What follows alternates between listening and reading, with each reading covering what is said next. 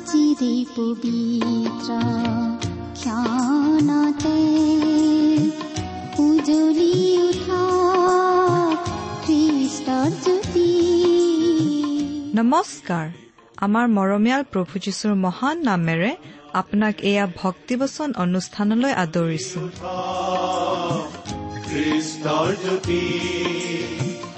আকাশ বতাহ মুখৰিত কৰি গাঁও সবে মিলি প্ৰশংসা গীতি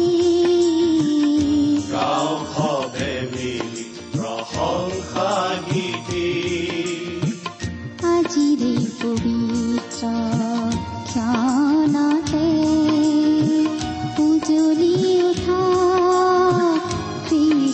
জ্যোতি ঈশ্বৰে আপোনাক যি অসীম প্ৰেম কৰিলে তাক যদি অনুভৱ কৰিব বিচাৰে আৰু তেওঁৰ অগম্য বাক্যৰ মৌ মিঠা সোৱাদ ল'ব বিচাৰে তেন্তে আহক আজিৰ ভক্তিবচন অনুষ্ঠানটো মনোযোগেৰে শুনো। এয়া আপোনালৈ আগবঢ়াইছো। ঈশ্বৰৰ জীৱন্ত বাক্যৰ অনুষ্ঠান ভক্তিবচন।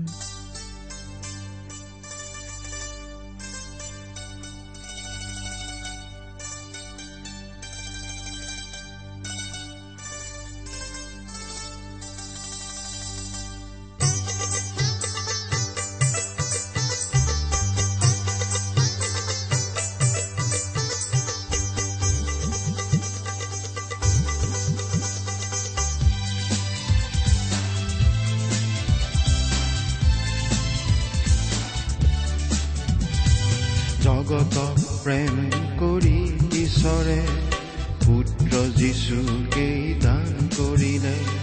তেওঁত বিশ্বাস কৰা জন যাতে যায় অনন্ত জীৱনলে। তেওঁত বিশ্বাস কৰা কোনো লোকেই নষ্ট নহয় পাই জীৱন।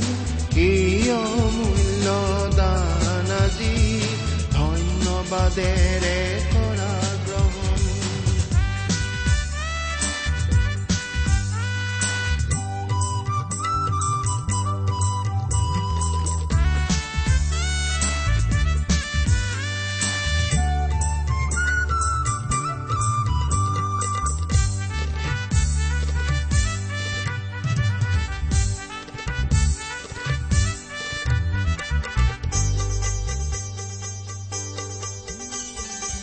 পাপত পতিত জগতখনে তেওঁত বিশ্বাস কৰাৰ যোগেৰে পৰিত্ৰাণ পাবলেহে ঈশ্বৰে পুত্ৰ যিছু পঠালে। তেওঁত বিশ্বাস কৰা কোনো লোকেই নষ্ট নহয় পাই জীৱন। এই অমূল্য দান আজি ধন্যবাদেৰে আমাৰ মহান ত্ৰাণকৰ্তা প্ৰভু যীশুখ্ৰীষ্টৰ নামত নমস্কাৰ প্ৰিয় শ্ৰোতা। আশা কৰো আপুনি ভালে কুশলে আছে। প্ৰিয় শ্ৰোতা আপুনি বাৰু আমাৰ এই ভক্তিবচন অনুষ্ঠানটো নিয়মিতভাৱে শুনি আছেনে? এই অনুষ্ঠান সম্বন্ধে আপোনাৰ মতামত আদি জনাই আমালৈ চিঠি পত্ৰ লিখিছেনে বাৰু? অনুগ্ৰহ কৰি আজি এই দুখাৰিমান লিখি পঠিয়াবচোন। আমাৰ যোগাযোগৰ ঠিকনা? ভক্তিবচন টি ডাব্লিউ আৰ ইণ্ডিয়া ডাক পাকচ নম্বৰ সাত শূন্য গুৱাহাটী সাত আঠ এক শূন্য শূন্য এক। ঠিকনাটো আৰু এবাৰ কৈছো ভক্তিবচন টি ডাব্লিউ আৰ ইণ্ডিয়া। ডাক পাকচ নম্বৰ সাত শূন্য গুৱাহাটী সাত আঠ এক শূন্য শূন্য এক। আহকচোন আজিৰ বাইবেল অধ্যয়ন আৰম্ভ কৰাৰ আগতে খন্তেক প্ৰাৰ্থনাত মূৰ দুৱাওঁ। আমি প্ৰাৰ্থনা কৰো। স্বৰ্গত থকা অসীম দয়ালু কৰুণাময় পিতা তোমাৰ তুলনা নাই। তোমাৰ প্ৰেম তোমাৰ কৰুণা তোমাৰ অনুগ্ৰহৰ কথা আমি বৰ্ণনা কৰি শেষ কৰিব নোৱাৰো। প্ৰভু যীশুৰ যোগেদি তুমি আমালৈ যি অনুগ্ৰহ দেখুৱালা তাৰ বাবে তোমাক অশেষ ধন্যবাদ পিতা। এতিয়া আমি তোমাৰ মহান বাক্য বাইবেল শাস্ত্ৰ অধ্যয়ন কৰিবলৈ আগবাঢ়িছো। তোমাৰ বাক্য তুমিয়েই আমাক বুজাই দিয়া। এই অনুষ্ঠানৰ আৰম্ভণিৰ পৰা শেষলৈকে তুমিয়েই আমাৰ চলাওঁতা হোৱা। অনুষ্ঠান শুনি থকা প্ৰতিজন শ্ৰোতাৰ জীৱনত তোমাৰ মহান অনুগ্ৰহৰ আশীৰ্বাদ প্ৰকাশ পাই উঠিবলৈ দিয়া। কিয়নো এই প্ৰাৰ্থনা আমাৰ মহান ত্ৰাণকৰ্তা প্ৰভু যীশুখ্ৰীষ্টৰ নামত আগবঢ়াইছো।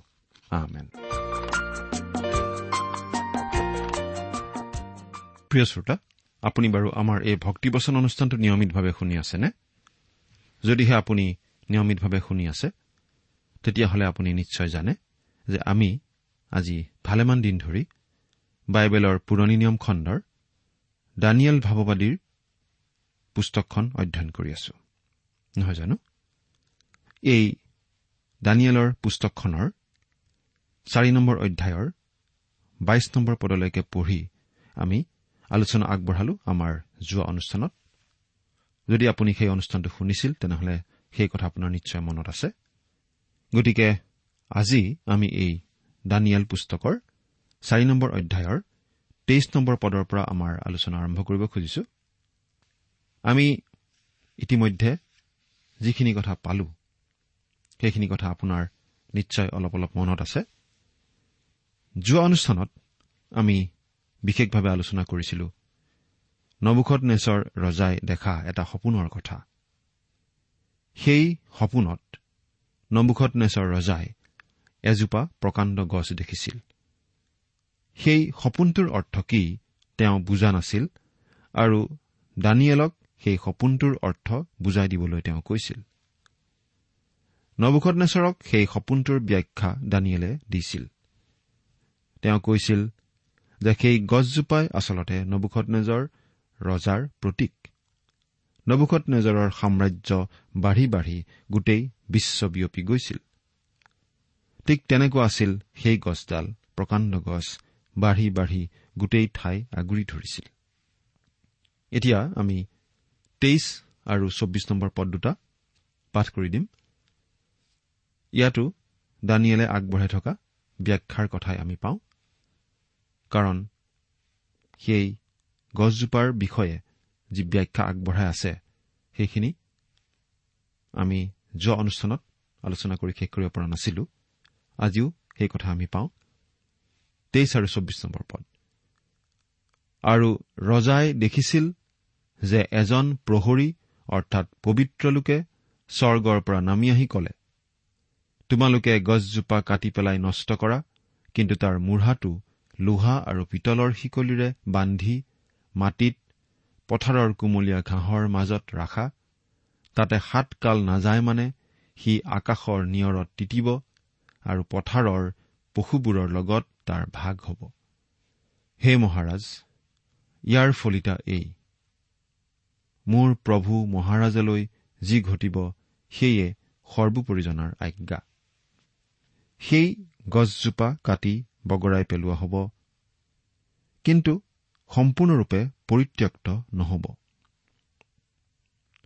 অৰ্থাৎ নবুখত নেজৰ ৰজাৰ সেই অৱস্থা হ'ব। সাত বছৰ ধৰি নবুখত নেজৰ ৰজাই পথাৰৰ বনৰীয়া জন্তুৰ নিচিনাকৈ জীৱন কটাব লাগিব আৰু তেওঁ আনকি নিজকেই চিনি নোপোৱা হ'ব। এই কথা আচলতে এই সপোনটোৰ যোগেদি বুজাই দিয়া হৈছিল আৰু এই কথাটো দানিয়েলে ৰজাক জনাই দিলে। পঁচিছ আৰু ছাব্বিছ নম্বৰ পদ। মনুষ্যবিলাকৰ ৰাজ্যত যে সৰ্বোপৰি জনাই শাসন কৰে আৰু যাকে তাক দিবলৈ ইচ্ছা কৰে তাকে তাক দিয়ে আপুনি ইয়াক নজনালৈকে মনুষ্য সমাজৰ পৰা দূৰীকৃত হৈ পথাৰৰ পশুবোৰৰ লগত বাস কৰিব। গৰুৰ নিচিনাকৈ আপোনাক ঘাঁহ খুওৱা হ'ব। আপুনি আকাশৰ নিয়ৰত তিতিব আৰু আপোনাৰ ওপৰত সাত কাল যাব। কিন্তু গছৰ মূঢ়াটো যে ৰাখিবৰ আজ্ঞা হৈছিল তাৰ অৰ্থ এই। স্বৰ্গই যে ৰাজশাসন কৰে ইয়াক আপুনি জনাৰ পাছত আপোনাৰ হাতত আপোনাৰ ৰাজ্য থিৰ হ'ব। দানিয়েলে এই কথাটো অতি পৰিষ্কাৰভাৱে জনাই দিছে। কিয় নবুখত নেচৰক সেই সপোনটো দেখুওৱা হৈছে আৰু কিয় তেওঁ তেনে এটা ভয়ংকৰ দুৰ্যোগৰ মাজেদি পাৰ হ'ব লাগিব? নবুখত নেচৰ ৰজাৰ আচলতে বৰ অহংকাৰ হৈছিল। সেইবাবে তেওঁ সেই প্ৰকাণ্ড মূৰ্তি এটা বনাই সকলো মানুহক সেই মূৰ্তিৰ আগত প্ৰণিপাত কৰিবলৈ বাধ্য কৰিছিল। নবুখত নেজৰ ৰজাৰ অন্তৰ গৰ্বেৰে পৰিপূৰ্ণ হৈছিল আৰু ঈশ্বৰে তেওঁক নম্ৰ কৰিব। তেওঁক ৰাজপ্ৰাসাদৰ পৰা খেদি পঠিওৱা হ'ব। তেওঁ পথাৰলৈ যাব আৰু গৰু ছাগলীৰ লগত পথাৰত থাকিব আৰু তেওঁনো কোন সেই কথাও তেওঁ পাহৰি যাব। কিন্তু ঈশ্বৰেই নবুখত নিজৰ ৰজাক সেই পাগল অৱস্থাৰ পৰা সুস্থ কৰিব। আমি এই কথা অনুমান কৰি ল'ব পাৰো যে নবুখত নিজৰ ৰজাই হিষ্ট্ৰিয়া নামৰ মানসিক বিকৃতিত ভুগিছিল। তেওঁৰ জীৱনত দেখা দিয়া প্ৰায়বোৰ লক্ষণ আচলতে এই হিষ্ট্ৰিয়া নামৰ মানসিক বিকৃতিৰেই লক্ষণ। তাৰে এটা লক্ষণ হৈছে মাত্ৰাধিক আৱেগিক ভাৱ এইটো এক প্ৰকাৰ মানসিকভাৱে হতাশাত ভোগা ধৰণৰ ৰোগ। এটা সময়ত ৰোগীজন অতি আনন্দিত হয় আৰু বন্ধু ভাৱাপন্ন হৈ থাকে। কিন্তু অলপ পাছতেই অতি দুখী আৰু বিৰোধী ভাৱাপন্ন হ'ব পাৰে। এজন লোকে এই অৱস্থাটোক সহজে দুখ সহজে সুখ বুলি কৈছিল। উঠানমা কৰি থকা মানসিক অৱস্থা। বহুতো মানুহে কম বেছি পৰিমাণে এই ৰোগটোত ভোগে। আমি এনেকুৱা বহুতো মানুহ লগ পাওঁ। এই মুহূৰ্ততে বেদনাক্লিষ্ট পিছ মুহূৰ্ততে অতি আনন্দিত। কিন্তু এই নবুখত নেজৰ ৰজাৰ এটা বাস্তৱ সমস্যা আছিল। এইটো মানসিক ৰোগ শাৰীৰিক নহয়। তেওঁৰ মগজুত কোনো আঘাত পোৱাৰ বাবে এই ৰোগ হোৱা নাছিল। নবুখনেশ্বৰৰ এই হিষ্ট্ৰিয়া ৰোগটো এমনিচিয়া অৰ্থাৎ কথা পাহৰি যোৱা ৰূপত প্ৰকাশ পাইছিল। এই বিশেষ অৱস্থাত ভুগি থকা বহুতো মানুহে নিজৰ কথাই কেতিয়াবা পাহৰি যায়। মানসিক ৰোগীৰ চিকিৎসালয়ত আমি এনে বহুতো ৰোগী দেখা পাওঁ যিবিলাকে নিজকে নেপলিয়ন নাইবা আন কোনো ডাঙৰ মানুহ বুলি ভাবি থাকে। আৰু নবুখনেশ্বৰে ভাবিছিল তেওঁ এটা জন্তু বুলি। সেইবাবে তেওঁ জন্তুৰ মাজত গৈ বাস কৰিছিল। হিষ্ট্ৰিয়াৰ আন এটা লক্ষণ হৈছে কেৱল নিজৰ কথাকে ভাবা নিজৰ কথাকে চিন্তা কৰা আৰু তীব্ৰ অহংকাৰ। নবুখনেশ্বৰৰ ক্ষেত্ৰতো এনেকুৱাই হৈছিল। আমি এই অধ্যায়ৰ এক নম্বৰ পদৰ পৰা দহ নম্বৰ পদলৈকে কেৱল নবুখনেশ্বৰে মই মই মই বুলি কোৱাই পাইছিলো। কেৱল নিজৰ কথা। এইটো সেই বেমাৰৰ লক্ষণ। গৰ্ব ঈশ্বৰে ঘীন কৰা বিষয়বোৰৰ মাজৰ এটা। আৰু ই মানুহৰ এটা বৈশিষ্ট্য। এজন বিখ্যাত ৰজাই এবাৰ এখন নগৰ অধিকাৰ কৰাৰ পাছত এই বুলি মন্তব্য কৰিছিল। মই এইখন ইটাৰ ৰূপত দেখিছিলো।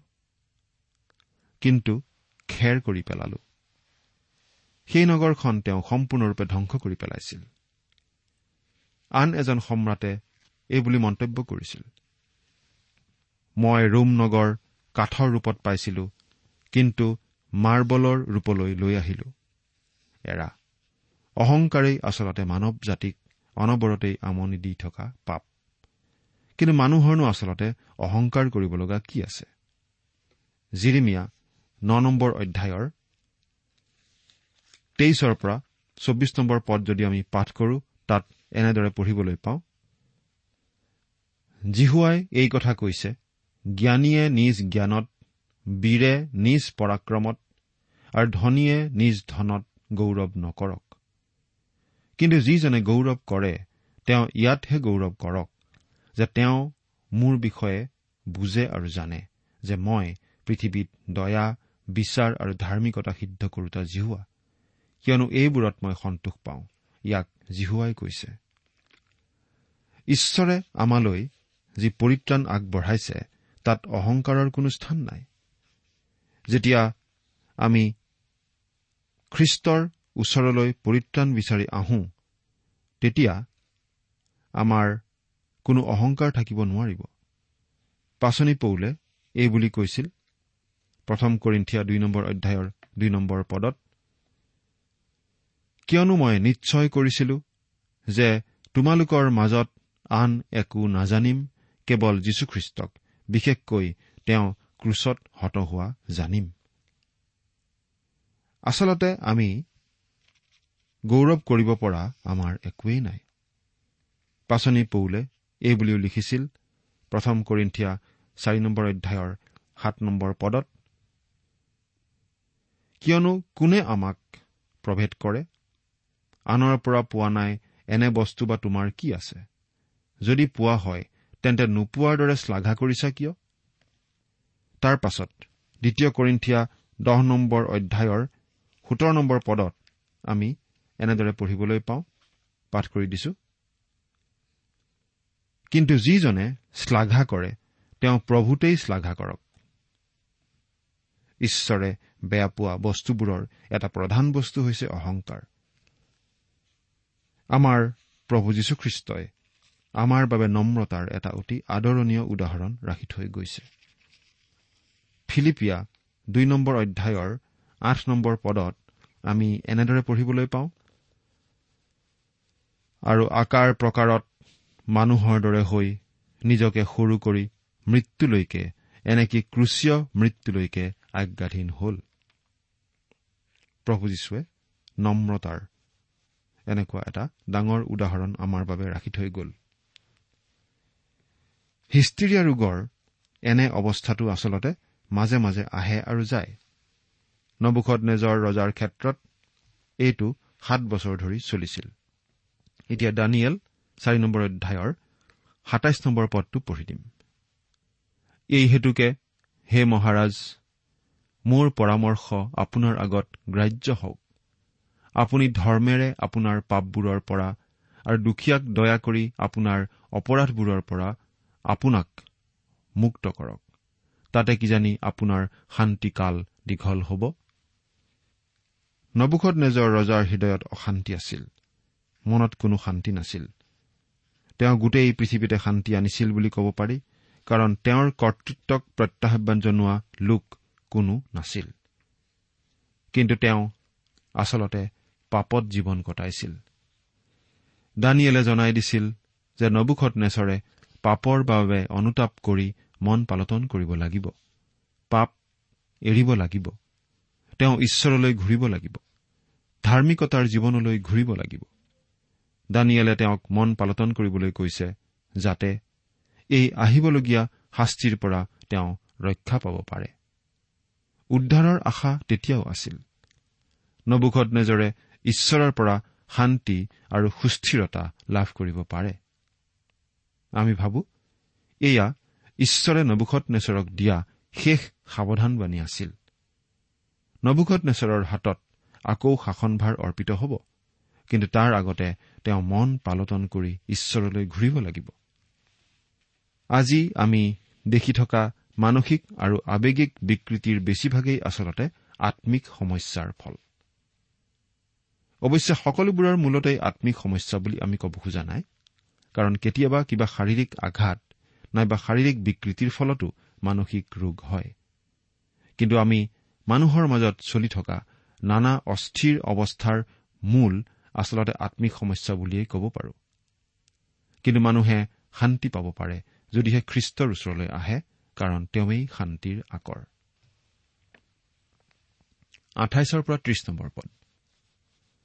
পাছে সেই সকলোৱেই ৰজা নবুখত নেচৰত ফলিয়ালে। বাৰ মাহৰ শেষত বাবিলৰ ৰাজগৃহৰ ছালত তেওঁ অহা যোৱা কৰিছিল। এনে সময়ত ৰজাই মাত লগাই কলে মই মোৰ বলৰ প্ৰভাৱত আৰু মোৰ ৰাজশ্ৰীৰ দ্বাৰাই সন্মান পাবৰ অৰ্থে ৰাজধানীৰ নিমিত্তে সজা এইখন জানো মহাবাবিল নহয়। নবুখত নেজৰ ৰজাই কিন্তু দানিয়েলে জনোৱা সাৱধানবাণীলৈ কাণ নিদিলে। সেই শাস্তি অহাৰ আগতে এটা অনুগ্ৰহৰ বছৰ পাৰ হৈ গ'ল। অৰ্থাৎ ঈশ্বৰে এবছৰ ধৰি সুবিধা দিলে মন পালটন কৰিবলৈ। ঈশ্বৰ যে কিমান ধৈৰ্যশীল দুষ্ট লোকে তেওঁৰ অনুগ্ৰহশীলতা আৰু ধৈৰ্যৰ কথা বুজিয়েই নাপায়। নবুখত নেচৰ ৰজা এটা সন্দিক্ষণত উপস্থিত হৈছিল। তেওঁ ভাঙি পৰাৰ উপক্ৰম হৈছিল।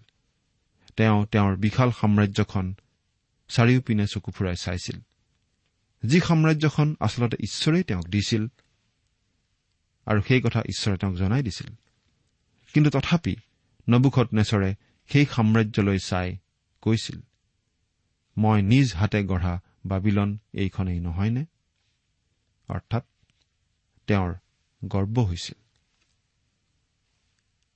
আমি ইতিহাসৰ পাতত এনেকুৱা বহুতো মানুহৰ উল্লেখ পাওঁ যিসকলে তেওঁলোকৰ নিজৰ বাবে সৰু সাম্ৰাজ্য গঢ়িবলৈ চেষ্টা কৰিছিল আৰু সেইবোৰৰ পিনে তেওঁলোকে অতি গৰ্বৰ ভাৱেৰে চাইছিল। এজন বয়সীয়া বাইবেল শিক্ষকে এনেদৰে কৈছিল মই যেতিয়া কোনো ডেকা পালকক লগ পাওঁ তেতিয়া সুবিধা পালেই তেওঁলোকক এই বুলি কওঁ তোমালোকে তোমালোকৰ মণ্ডলীটো এখন নিজৰ সাম্ৰাজ্য বুলি নাভাবিবা আৰু নিজৰ সম্পত্তিৰ নিচিনাকৈ গঢ়িবলৈ চেষ্টা নকৰিবা। ময়ো এসময়ত তেনে কৰিছিলো। কিন্তু সঁচা কথা কৈছো মই তেতিয়া যথেষ্ট অশান্তি পাইছিলো। দানিয়েল পুস্তকৰ এই শাস্ত্ৰাংশখিনিয়ে এদিন মোক এই কথা বুজালে আৰু মই বুজি পালো যে মই নিজলৈ বুলি এখন সাম্ৰাজ্য গঢ়িবলৈ চেষ্টা কৰি আছিলো কিন্তু ঈশ্বৰে আচলতে মোক সেইটো কৰিবলৈ কোৱা নাই। মোৰ পৰিচৰ্যা হৈছে মানুহৰ জীৱন গঢ়া বিশাল সাম্ৰাজ্য গঢ়া নহয়। গতিকে তোমালোকে মানুহৰ জীৱন গঢ়িবলৈ আৰম্ভ কৰা আৰু তোমালোকৰ যি থকা উচিত তাকেই ঈশ্বৰে তোমালোকক দিব। নবুখত নেচৰ ৰজায়ো সেই ভুল কৰিছিল। সাম্ৰাজ্যখন নিজে গঢ়া বুলি তেওঁ ভাবিছিল। সেইখন কিন্তু আচলতে ঈশ্বৰেহে তেওঁক দিছিল। ঈশ্বৰে দিবও পাৰে ঈশ্বৰে লৈ যাবও পাৰে। দানিয়েলে ইতিমধ্যেই নবুখতনেশ্বৰ ৰজাক সেই সপোনৰ ব্যাখ্যা আগবঢ়োৱাৰ সময়ত সাৱধান কৰি দিছিল। পাপৰ পৰা মন পালটন কৰিবলৈ কৈছিল। নবুখত নেজৰ ৰজাই কিন্তু দানিয়েলৰ সেই কথালৈ কাণ নিদিলে। এবছৰৰ মূৰত ঈশ্বৰে শাস্তি পঠিয়ালে নবুখত নেচৰ ৰজালৈ। নবুখত নেচৰৰ মানসিক বিকৃতি ঘটিবলৈ আৰম্ভ কৰা আমি দেখিবলৈ পাওঁ। তেওঁ নিজৰ ৰাজ্যখনকেই চিনি নোপোৱা যেন অৱস্থা এটা হ'ব ধৰা আমি এতিয়া দেখিছো। একত্ৰিশৰ পৰা পঁয়ত্ৰিশ নম্বৰ পদ। ৰজাই এই কথা কৈ থাকোতেই এই আকাশীবাণী হল যে হে নবুখত নেচৰ ৰজা তোমাৰ বিষয়ে আজ্ঞা দিয়া হল তোমাৰ পৰা তোমাৰ ৰাজত্ব গ'ল। মনুষ্যবিলাকৰ ৰাজ্যত যে সৰ্বোপৰি জনাই শাসন কৰে আৰু যাকে তাক দিবলৈ ইচ্ছা কৰে তাকে তাক দিয়ে তুমি ইয়াক নজনালৈকে মনুষ্য সমাজৰ পৰা দূৰীকৃত হৈ পথাৰৰ পশুবোৰৰ লগত বাস কৰিবা। গৰুৰ নিচিনাকৈ তোমাক ঘাঁহ খুওৱা হ'ব আৰু তোমাৰ ওপৰত সাত কাল যাব। সেই মুহূৰ্ততে নবুখত নেজৰত সেই কথা ফলিয়ালে। তেওঁ মনুষ্য সমাজৰ পৰা দূৰীকৃত হৈ গৰুৰ নিচিনাকৈ ঘাঁহ খালে আৰু তেওঁৰ শৰীৰ আকাশৰ নিয়ৰত তিতিল। এই অৱস্থাত থাকোতে তেওঁৰ নোম কোৰৰ পক্ষীৰ পাখীৰ নিচিনাকৈ তেওঁৰ নখ চৰাইৰ নখৰ নিচিনাকৈ বাঢ়িল। পাছে সেই কালৰ শেষত মই নবুখত নেচৰে স্বৰ্গলৈ দৃষ্টি কৰিলত মোৰ জ্ঞান মোলৈ ওলটি আহিল। তাতে মই সৰ্বোপৰি জনাৰ ধন্যবাদ কৰিলো আৰু অনন্ত কাললৈকে জীয়াই থকা জনাৰ প্ৰশংসা আৰু তেওঁৰ সমাদৰ কৰিলো কিয়নো তেওঁৰ ৰাজ্য শাসন চিৰকলীয়া ৰাজ্য শাসন। আৰু তেওঁৰ ৰাজ্য পুৰুষানুক্ৰমে থাকে। আৰু তেওঁৰ সাক্ষাতে আটাই পৃথিৱী নিবাসী একো নোহোৱাৰ নিচিনা গণিত হৈছে। তেওঁ স্বৰ্গৰ বাহিনীবিলাকৰ আৰু পৃথিৱী নিবাসীবিলাকৰ মাজত নিজ ইচ্ছা অনুসাৰে কাৰ্য কৰে। তেওঁৰ হাত ৰাখিব পৰা নাইবা তুমি কি কৰিছা বুলি তেওঁক ক'ব পৰা কোনো নাই। নবুখত নেজৰ ৰাজপ্ৰসাদৰ পৰা বাহিৰ হল অৰণ্যত জন্তুৰ নিচিনাকৈ ঘাঁহ খাই জীয়াই থাকিব লগা হল। এনেকুৱা পাগল উন্মাদ অৱস্থাৰ পৰা আকৌ কোনো ৰজা হ'ব নোৱাৰিলেহেঁতেন। কিন্তু ঈশ্বৰে নবুখত নেচৰক আকৌ ৰজা পাতিলে। নবুখত নেজৰ ৰজাই আকৌ নিজৰ স্বাভাৱিক অৱস্থা ঘূৰাই পালে। তেওঁ ঈশ্বৰক ধন্যবাদ প্ৰশংসা আগবঢ়ালে। নবুখত নেজৰ ৰজাই এই কথা বুজি পালে। যে আচলতে সকলোবোৰ ঈশ্বৰেই নিয়ন্ত্ৰণ কৰি থাকে। ঈশ্বৰেই কাৰোবাক ৰজা পাতিবও পাৰে কাৰোবাক ৰজা ভাঙিবও পাৰে। গতিকে নবুখত নেজৰ ৰজাই গৰ্ব অহংকাৰ সকলো এৰি ঈশ্বৰৰ বস হ'ল। ছয়ত্ৰিশ আৰু সাতত্ৰিশ নম্বৰ পদ। সেই সময়তে মোৰ জ্ঞান মোলৈ ওলটি আহিল। আৰু মোৰ ৰাজ্যৰ গৌৰৱৰ অৰ্থে মোৰ ৰাজশ্ৰী আৰু মোৰ শোভা মোলৈ ঘূৰি আহিল। মোৰ মন্ত্ৰী আৰু মহৎ লোকবিলাকে মোৰ লগত সাক্ষাৎ কৰিবলৈ বিচাৰিলে। মই মোৰ ৰাজ্যত পুনৰাই স্থাপিত হলো আৰু মোৰ মহিমা অতিশয় অধিক ৰূপে বাঢ়িল। এতিয়া মই নবুখত নেজৰে সেই স্বৰ্গৰ ৰজাৰ প্ৰশংসা গুণ কীৰ্তন আৰু তেওঁক সমাদৰ কৰিছো। কিয়নো তেওঁৰ সকলো কাৰ্য সত্য আৰু তেওঁৰ পথবোৰ ন্যায় আৰু গৰ্ব আচৰণ কৰোতাবোৰক খৰ্ব কৰিবলৈ তেওঁৰ ক্ষমতা আছে। নবুখত নেজৰ আকৌ সুস্থ হল। তেওঁৰ ৰাজ্য তেওঁক ঘূৰাই দিয়া হল। তেওঁৰ মন্ত্ৰী বিষয়াসকলে আকৌ তেওঁক ৰজা মানি ললে।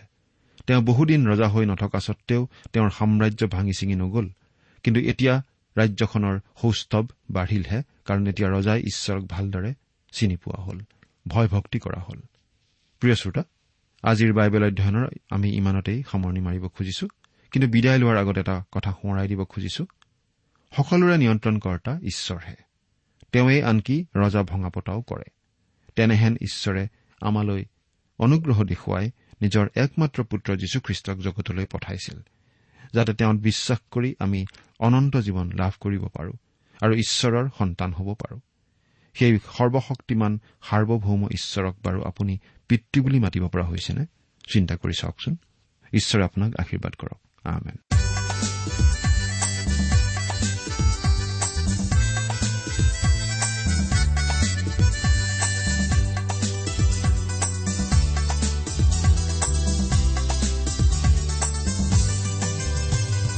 যিজনে তেওঁৰ বাক্য শুনি বিশ্বাস মাথো তেওঁতে কৰে।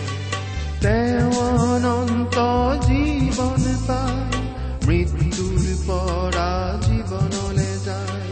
তেওঁত বিশ্বাস কৰা কোনো লোকেই নষ্ট নহয় পায় জীৱন। এই অমূল্য দান আজি ধন্যবাদেৰে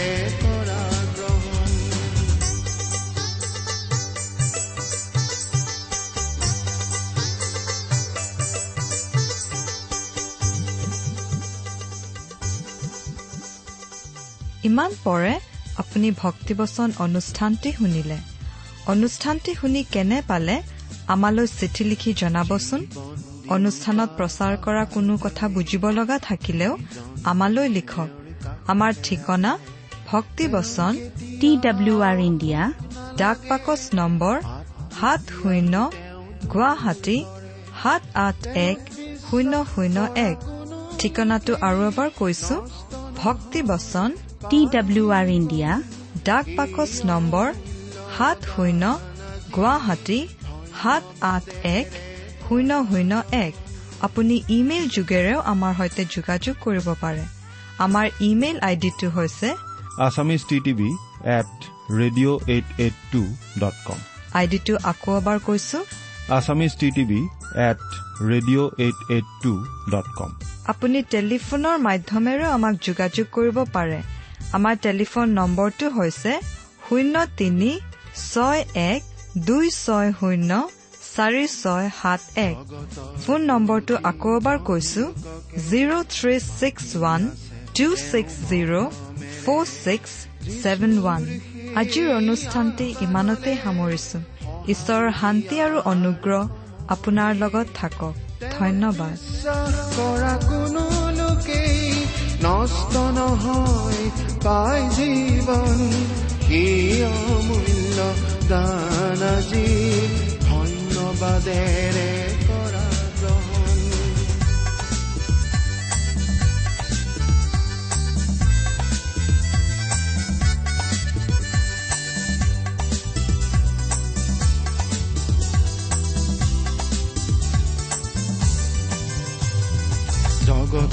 প্ৰেম ঈশ্বৰে পুত্ৰ যীশুকেই দান কৰিলে। তেওঁত বিশ্বাস কৰা জন যাতে যায় অনন্ত জীৱনলে। তেওঁত বিশ্বাস কৰা কোনো লোকেই নষ্ট নহয় পায় জীৱন। সেই অমূল্য দান আজি ধন্যবাদেৰে